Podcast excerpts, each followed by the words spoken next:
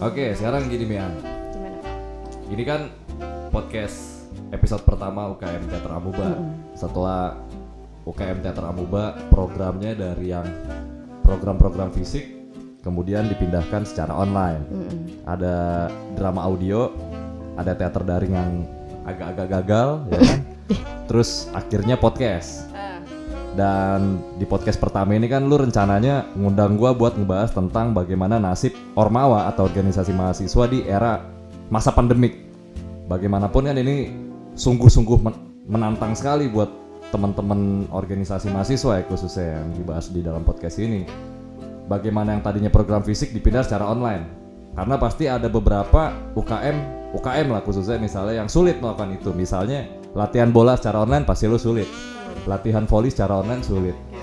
Nah, nggak mungkin juga kan ada yang namanya eh, liga bola mahasiswa atau liga basket mahasiswa secara online ya. Itu udah mustahil gitu kan. Nah, di satu sisi kan Amuba sendiri kan salah satu yang terdampak nih. Nah, di sini sekarang gua sebenarnya narsum, tapi jadi kayak host. Iya bener. Ya kan? Iya. Eh nggak apa-apa ya. Daripada kita ngetek-ngetek ulang mulu. Nah, teater Amuba sendiri salah satu yang terdampak. Nggak cuma teater Amuba, teater-teater yang non kampus pun kayak sanggar-sanggar juga semua ter- terdampak ya kan. Senian salah satu yang terdampak adalah seni pertunjukan. Teater Amuba yang memang sebelum pandemik juga sudah lumayan terpuruk, makin terpuruk. Dan kemudian kebetulan lu sendiri ketuanya sekarang. Kalau orang yang ngeh sama program-program teater Amuba belakangan yang coba yang sering mantau-mantau Instagram, pasti ya dia lagi dia lagi nih ya kan. Iya kan suara dia lagi dia lagi. Dibaca puisi dia kan. Lo lagi lo lagi gitu kan.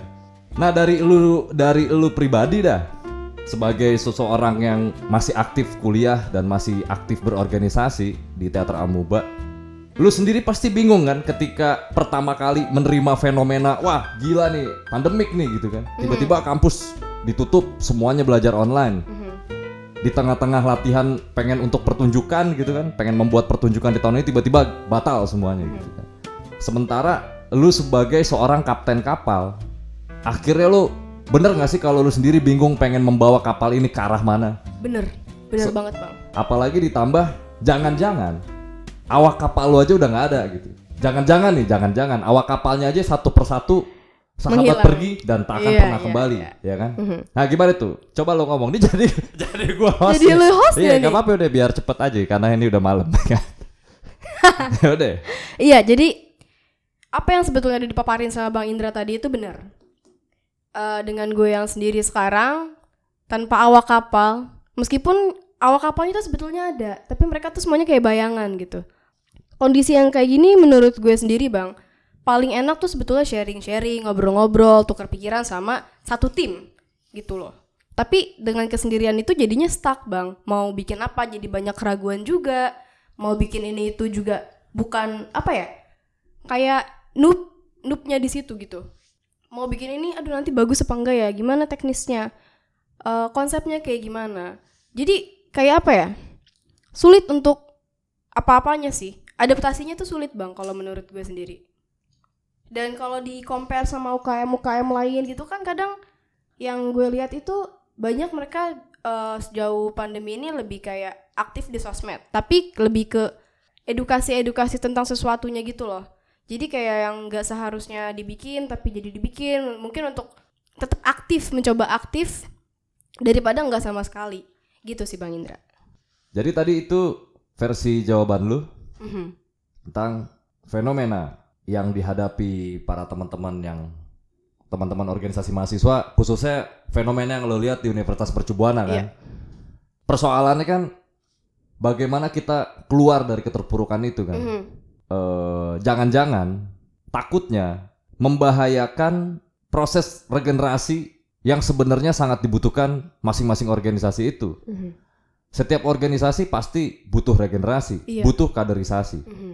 dengan berpindahnya program semuanya secara daring, tentu ada tantangan tersendiri dalam hal melakukan proses regenerasi tuh. Salah satunya kan program yang sangat dekat dengan regenera apa namanya proses apa namanya proses regenerasi dan kaderisasi kan diklat. Mhm. Otomatis adalah diklat. Mhm. Gue selalu mengatakan kalau diklat adalah cerminan dari organisasi itu. Iya. Di situ harusnya ada karakter building. Mhm. akan seperti apa dia nantinya ketika dia sudah masuk ke dalam sebuah organisasi, dia akan menjadi seperti seseorang yang seperti apa? Itu kan tergantung juga dari bagaimana organisasi tersebut eh, membuat metode diklat misalnya, Iya. metode pelatihannya, pendidikannya apa segala macem gitu kan.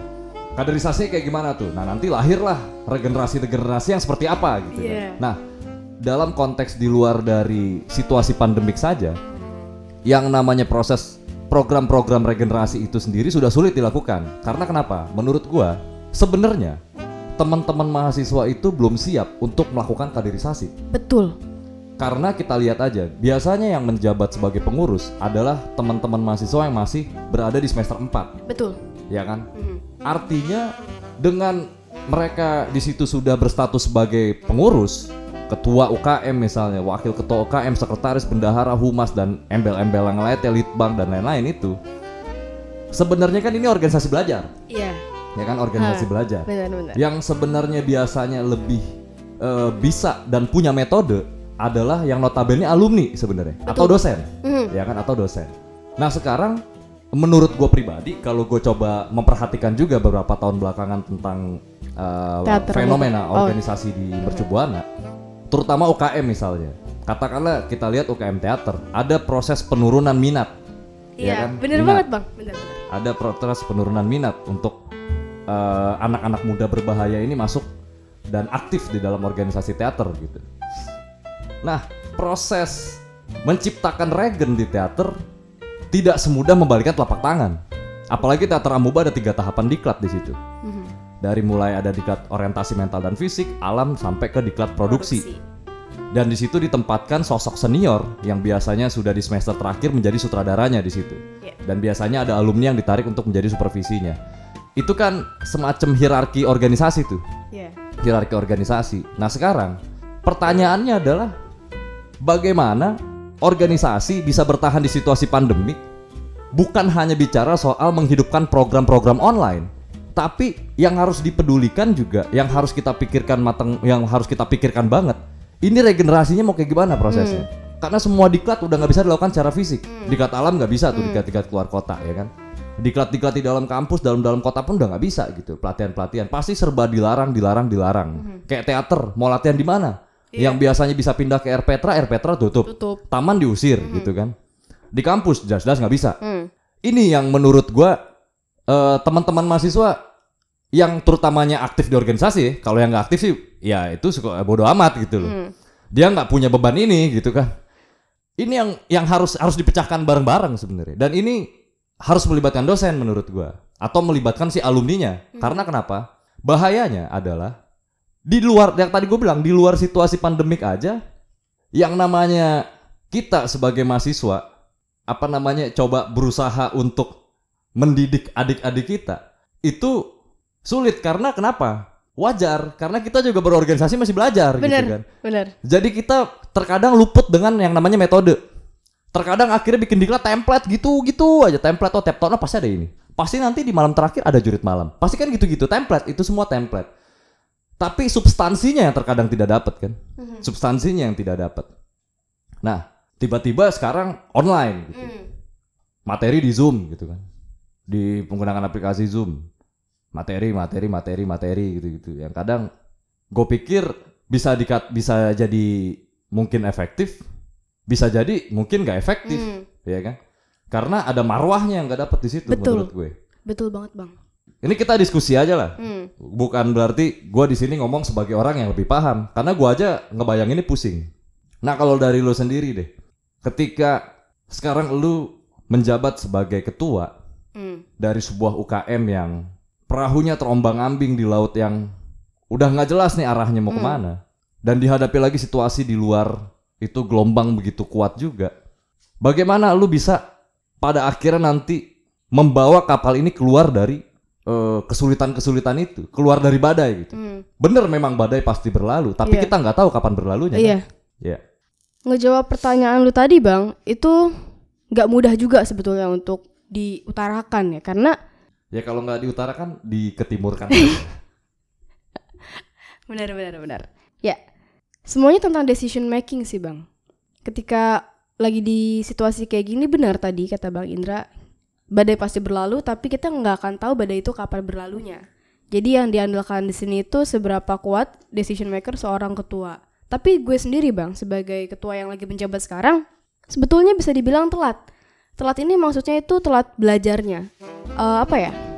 Ketua yang sambil belajar selagi eh, ngejabat. Sebetulnya emang mungkin bisa jadi semuanya juga kayak gitu. Cuma Emang masih belajar semuanya. Iya benar, cuma kayak masih raw banget gitu ibaratnya masih mentah banget di sini. Jadi ngomongin tentang regenerasi juga, itu ada sangkut pautnya sama ke depannya nantinya bakal gimana. Cara ngedidik anak-anak itu nanti gimana, ngebuat kultur yang barunya itu gimana. Jadi semua itu memang benar-benar tentang decision making seorang ketua. Kalau dilihat kondisinya sekarang, bisa dibilang niscaya, tapi sekaligus mustahil sih bang. Karena balik tadi yang ke awal tadi itu sempat udah dibilang sendirian. Yang awak kapalnya itu nggak tahu ke mana. Jadi bisa dibilang juga decision making itu adanya di gue karena memang selaku ketua juga kan memang berat untuk memutuskan hal-hal yang kayak gini Eh, banyak ternyata setelah postingan-postingan Instagram kemarin tentang puisi-puisi ternyata postingan-postingan konten-konten kayak gitu tuh banyak menarik untuk anak-anak maba-maba gitu nah dari situ udah ditunjukin pertimbangannya tuh ini anak-anak ini yang tertarik sama teater ini harus diapain? Karena di situasi internalnya sendiri tuh lagi hancur, lagi kacau. Jadi bener-bener harus ada kebijakan yang sangat-sangat bijak di situ.